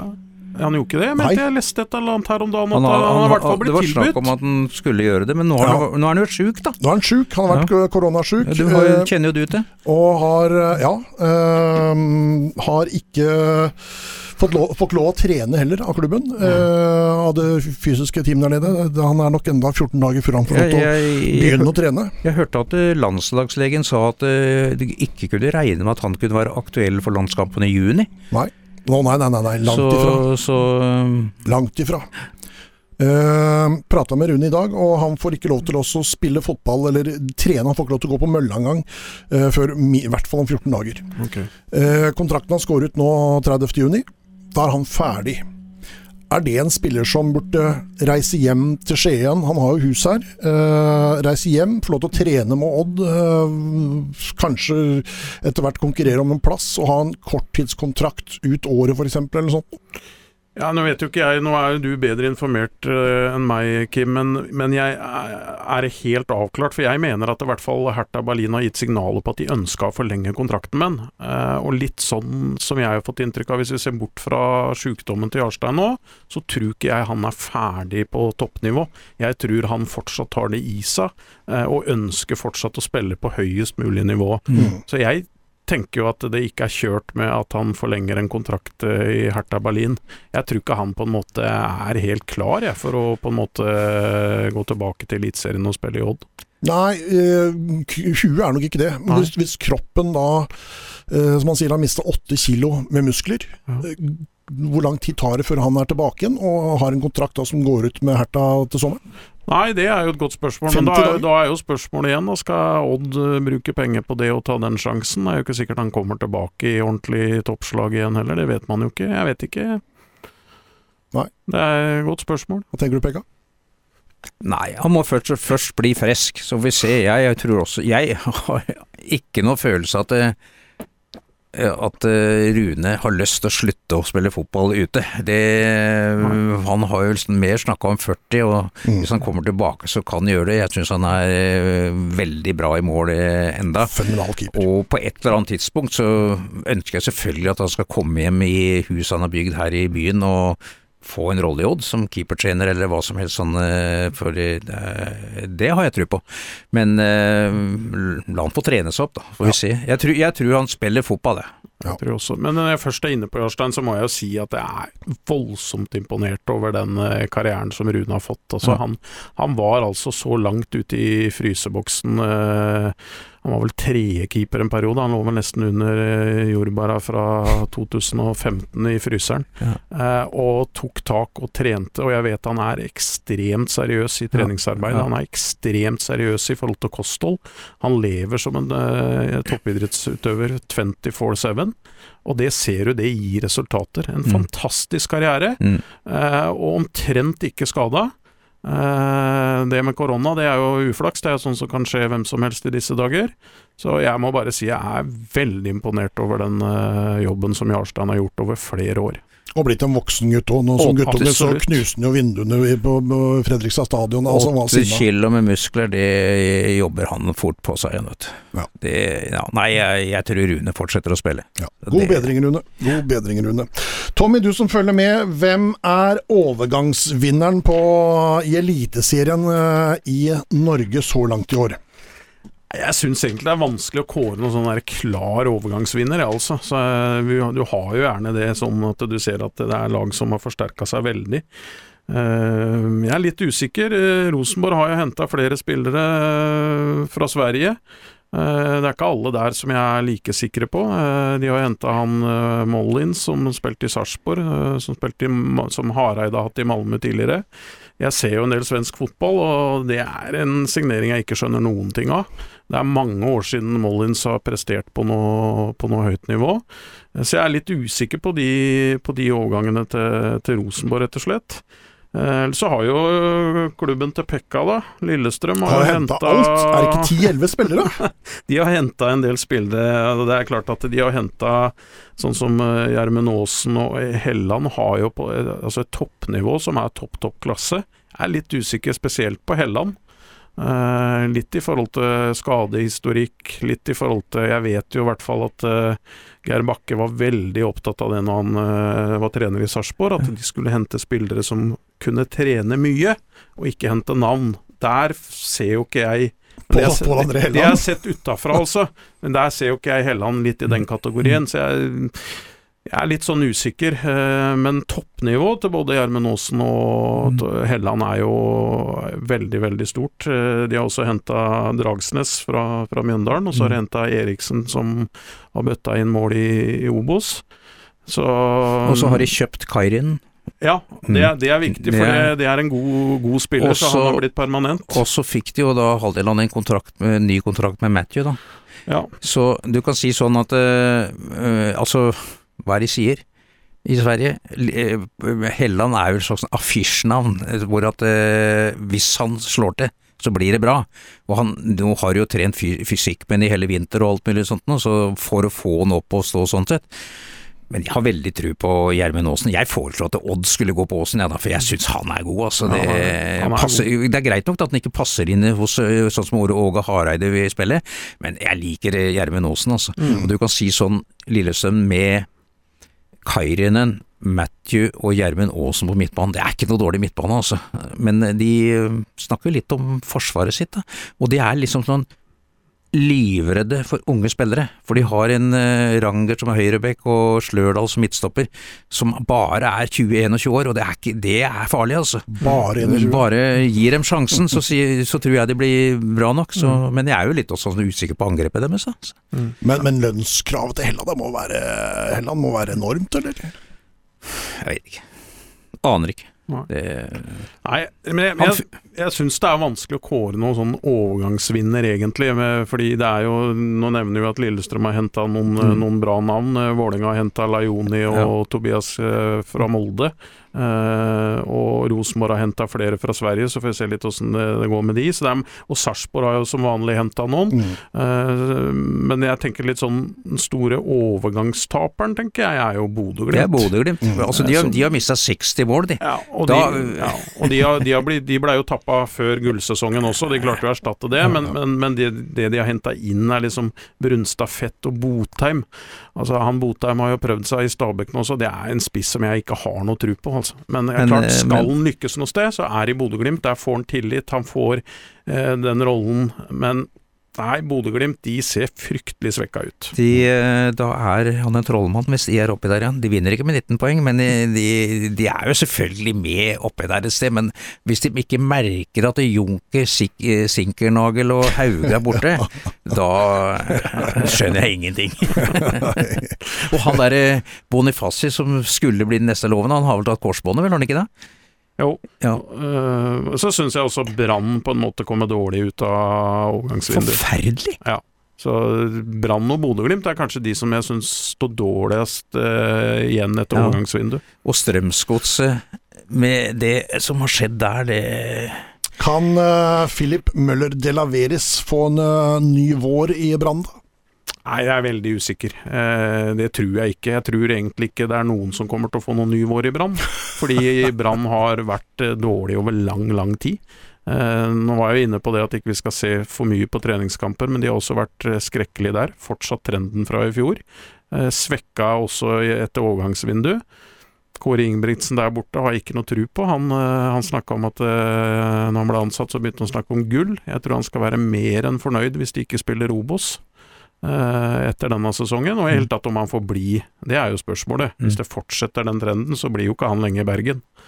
Så Men, eh, men eh, Viking driver og bygger noe spennende igjen, da. Ja, Nå har de fått tilbake Tripic, og hvis han leverer som han gjorde i forfjor og alt mulig sånt, det, eller eh, det året de ble cupmester ja, Tripic og Kabelan inn, det er klart det er, det er- De er også har henta noen Ja. solide Jeg tror jaggu meg de kan eh, bli overraskelsen i år, Også, Det.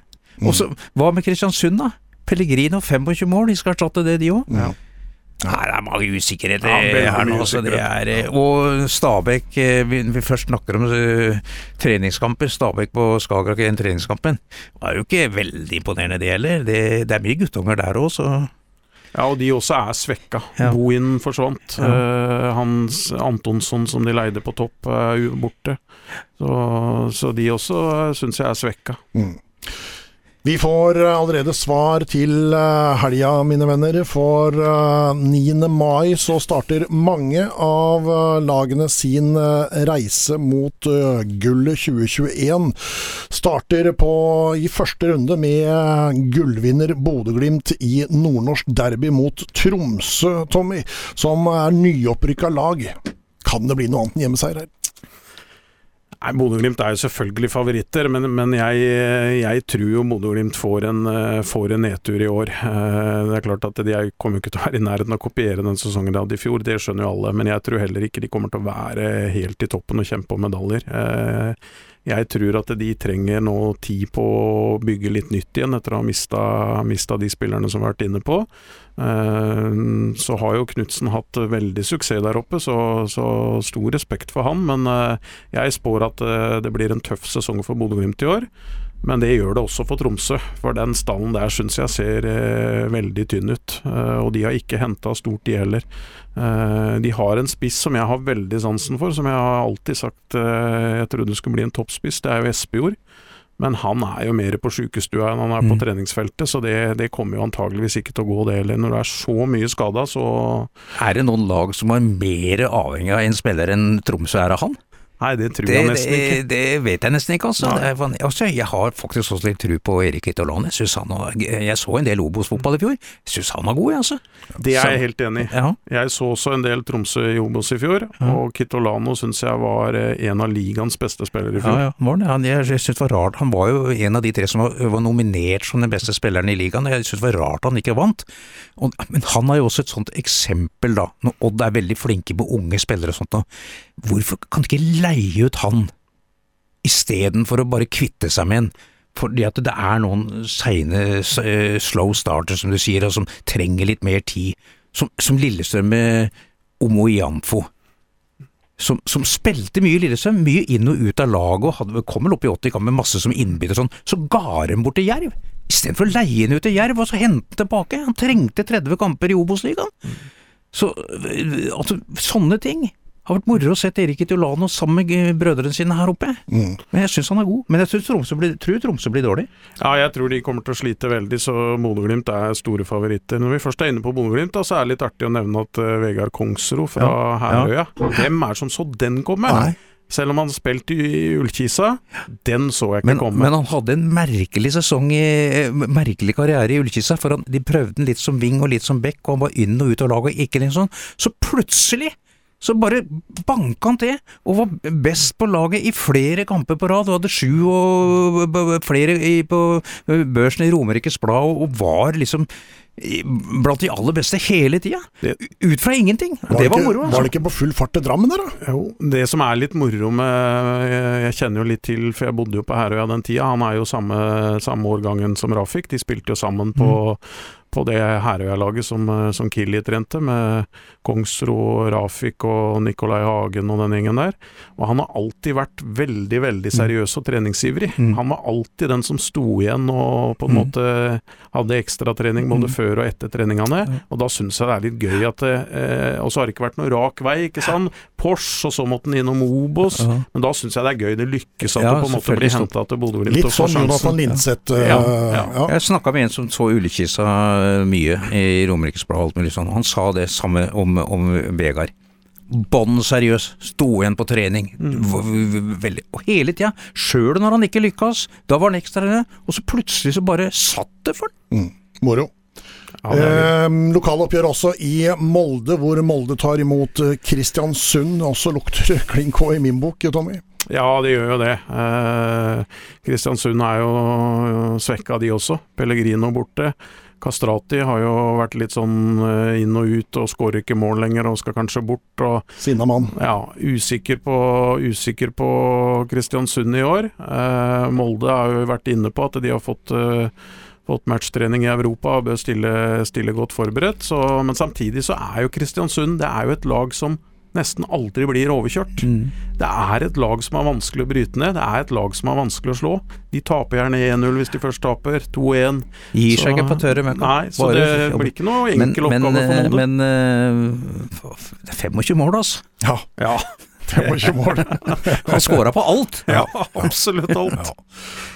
To største byene på Vestlandet møtes også. I Stavanger kommer Brann på besøk. Eh, er det Bjarne Berntsens mannskap som, uh, som ser best ut her? Bortsett fra at Bjarne Berntsen ikke er der ja, lenger. Så. Selvfølgelig, det er han jo ikke. Uh, Viking. ja, Der tror jeg Viking vinner. Eh, hvis vi skal se litt, vi var jo litt inne på Brann, og de har sett fryktelig ut uh, før sesongen. Og de, de, hadde jo nedadgående kurve i fjor også. Viking, som sagt, som Pekka var inne på, er enig. De ser spennende ut i år. Fått Tripic tilbake, som var utrolig viktig for det vikinglaget sist han var der. Uh, fått en Kabran som også er god på sitt beste, selv om han er litt ustabil.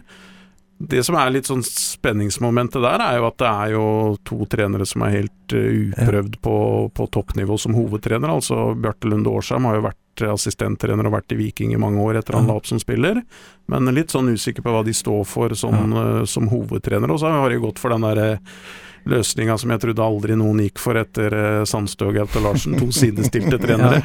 Ja. det, er, det er mørkt. Men, men, men han Tripic ja. Han forestiller meg sånn, sånn type på laget. Ja. Bare de andre ser på han, ja. så begynner det å løpe. Ja. Matchvinnertype. Ja. ja, absolutt. Ja. Eh, 20.00-kampen på søndag, det er eh, Dag Eilif Fagermo mot Åge Hareide. Vålerenga mot Rosenborg på Intility, Tommy. Er du eh, objektiv nok, nok til å kunne si noe om den? Ja, det er jeg jo. Jeg kan jo være knallhard jeg mot egne lag hvis jeg mener det er, det er rettferdig, men det, det, er jo selvfølgelig en helt åpen kamp. Altså Det er to lag som jeg tror kommer til å, til å kjempe i toppen.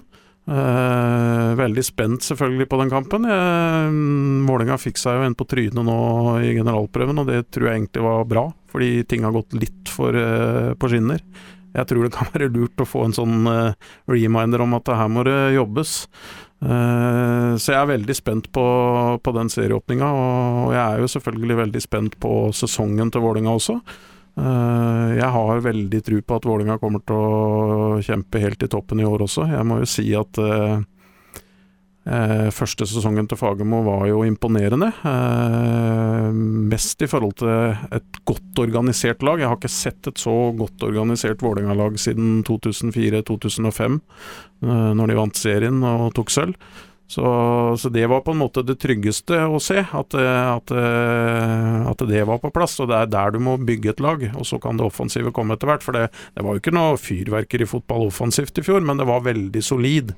Eh, og det syns jeg, og det var det som kjennetegnet Odd de siste åra under Fagermo, at det var solid. Og så har uh, Vålinga da henta inn uh, Laioni.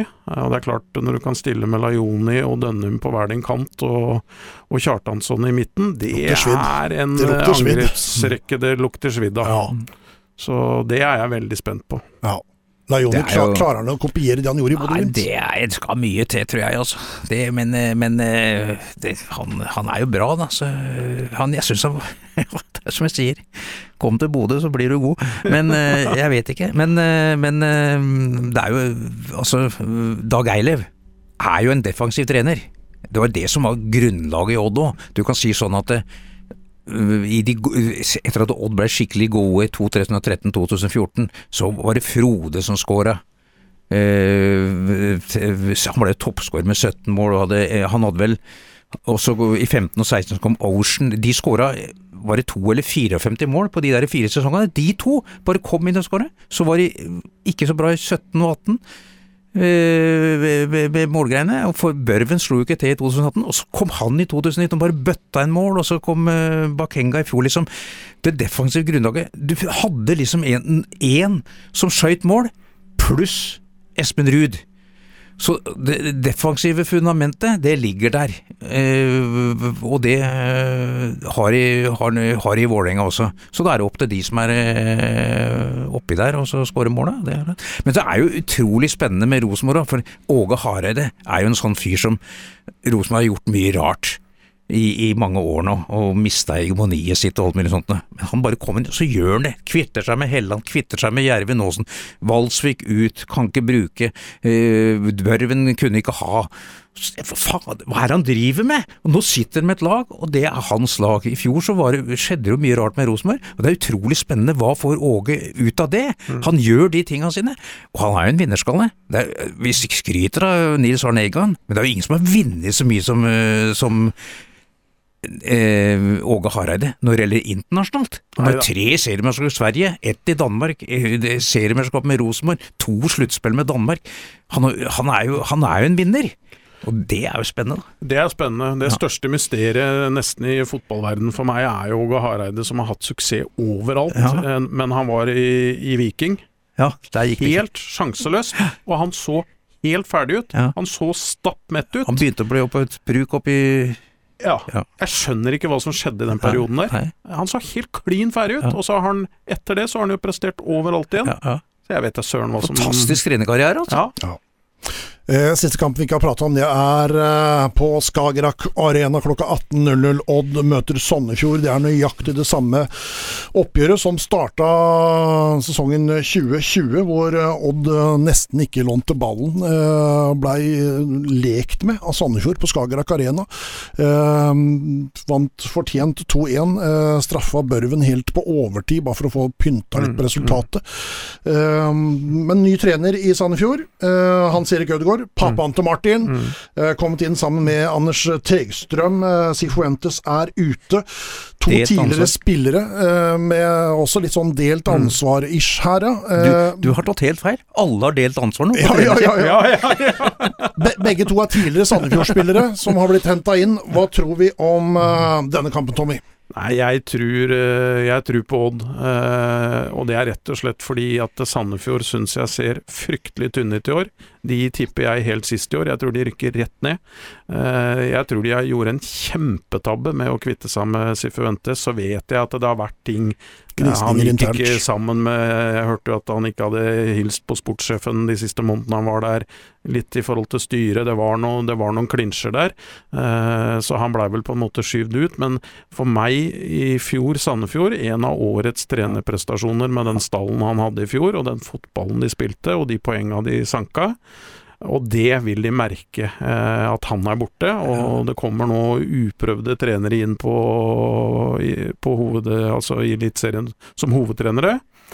Og jeg syns den stallen ser syltynn ut, altså. Så jeg kan ikke se for meg at eh, Sandefjord skal kopiere bragden fra serieåpninga i fjor og stikke av med tre Men, poeng. men nå har Ødegaard, Hans Erik Ødegaard gått skole i eh, Real Madrid. Det Ja. var jo en del av pakka til at Martin skulle komme dit. Ja. At han skulle være der nede som trener og spillerutvikler. Ja. Tror du ikke han har lært enormt mye på de to-tre åra han har vært der Jo, han har sikkert lært mye, og, og, og han kan sikkert mye fotball, men, men det der med å være hovedtrener, det er jeg ikke så sikker på om du kan lære. For det ligger litt for deg, eller så ligger ikke for deg. Og så kan ikke jeg si at det ikke det ligger for Ødegaard, for det, det vet jeg ikke noe om.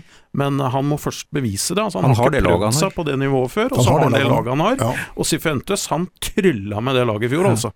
Det må jeg bare si. Så Ødegaard kan sikkert sine ting, han altså, men uh, han må vise noe for, for meg først, før jeg på en måte kan uh... Nå har jo, nå har jo koronaen ført til at du har fått et litt spesielt serieoppsett i år da, med, med det, og det, du kan si sånn at uh, Odd er jo i den situasjonen nå at eh, Sandefjord, Stabæk og Strømsgodset i de tre første, eller kanskje Strømsgodset Stabæk da, i den rekkefølgen, jeg husker ikke helt.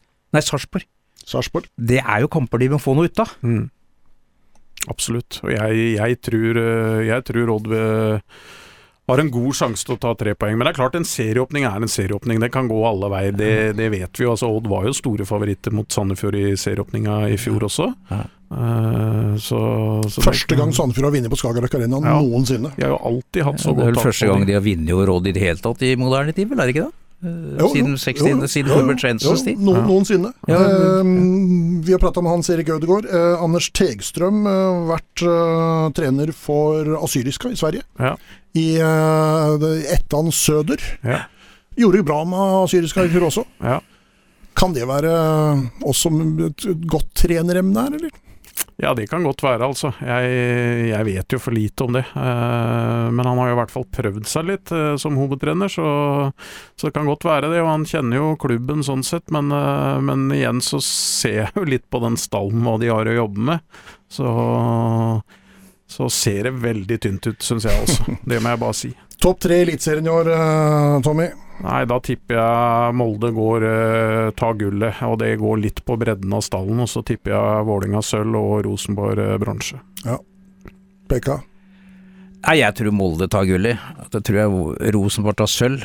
For å være litt annerledes, så tipper jeg at Viking tar bronse. Ja, se det. Hvor havner Odd på tabellen i år? Usikker. Eh, bedre enn ti, men ikke så veldig mye bedre enn ti. Åtte. Åtte. Tommy Jeg har de på ellevteplass. på ellevte, ja. Ja. Det blir en tung sesong, men det holder allikevel? Ja, jeg var litt sånn som jeg var inne på. Jeg har jo tenkt gjennom den forsesongen her at uh, jeg tror Odd uh, kommer til å kjempe helt i bånn og kanskje rykke ned. Men når jeg begynte å grave litt i de andre stallene, ja. så ser jeg jo at det er mye tynt rundt omkring. Så jeg tror Odd uh, Jeg har på en måte endra meg litt på det. Jeg tror Odd beholder plassen. Men jeg tror det blir en, en tøff sesong. Men samtidig, som vi har vært inne på, hvis de holder nøkkelspillere skada, kan kjøre en, en få inn en førsteelver så kan også Odd overraske. Vi får se. Ja. Svaret det begynner vi å få allerede på søndag. Da er det bare å skru på Radio Grenland når klokka blir 17.00. Jeg kommer til å ha med meg i studio Lasse Jørn Fredriksen. Og eh, ja, så står det litt og vipper litt om Tom Nordli eh, kommer. Eh, hvis Tom kommer, så kommer han. Kommer ikke Tom Nordli, så kommer Tommy Svindal Larsen. Så da får du alt du trenger å vite om lagoppstillinger og i det hele tatt. Øystein Tallakstad skal kommentere kampen for Radio Grenland. 90 minutter i gode venners lag, det går styggfort, og nå er det jaggu meg gjort, mine herrer. Tusen takk til uh, Pekka, tusen takk til uh, Tommy T.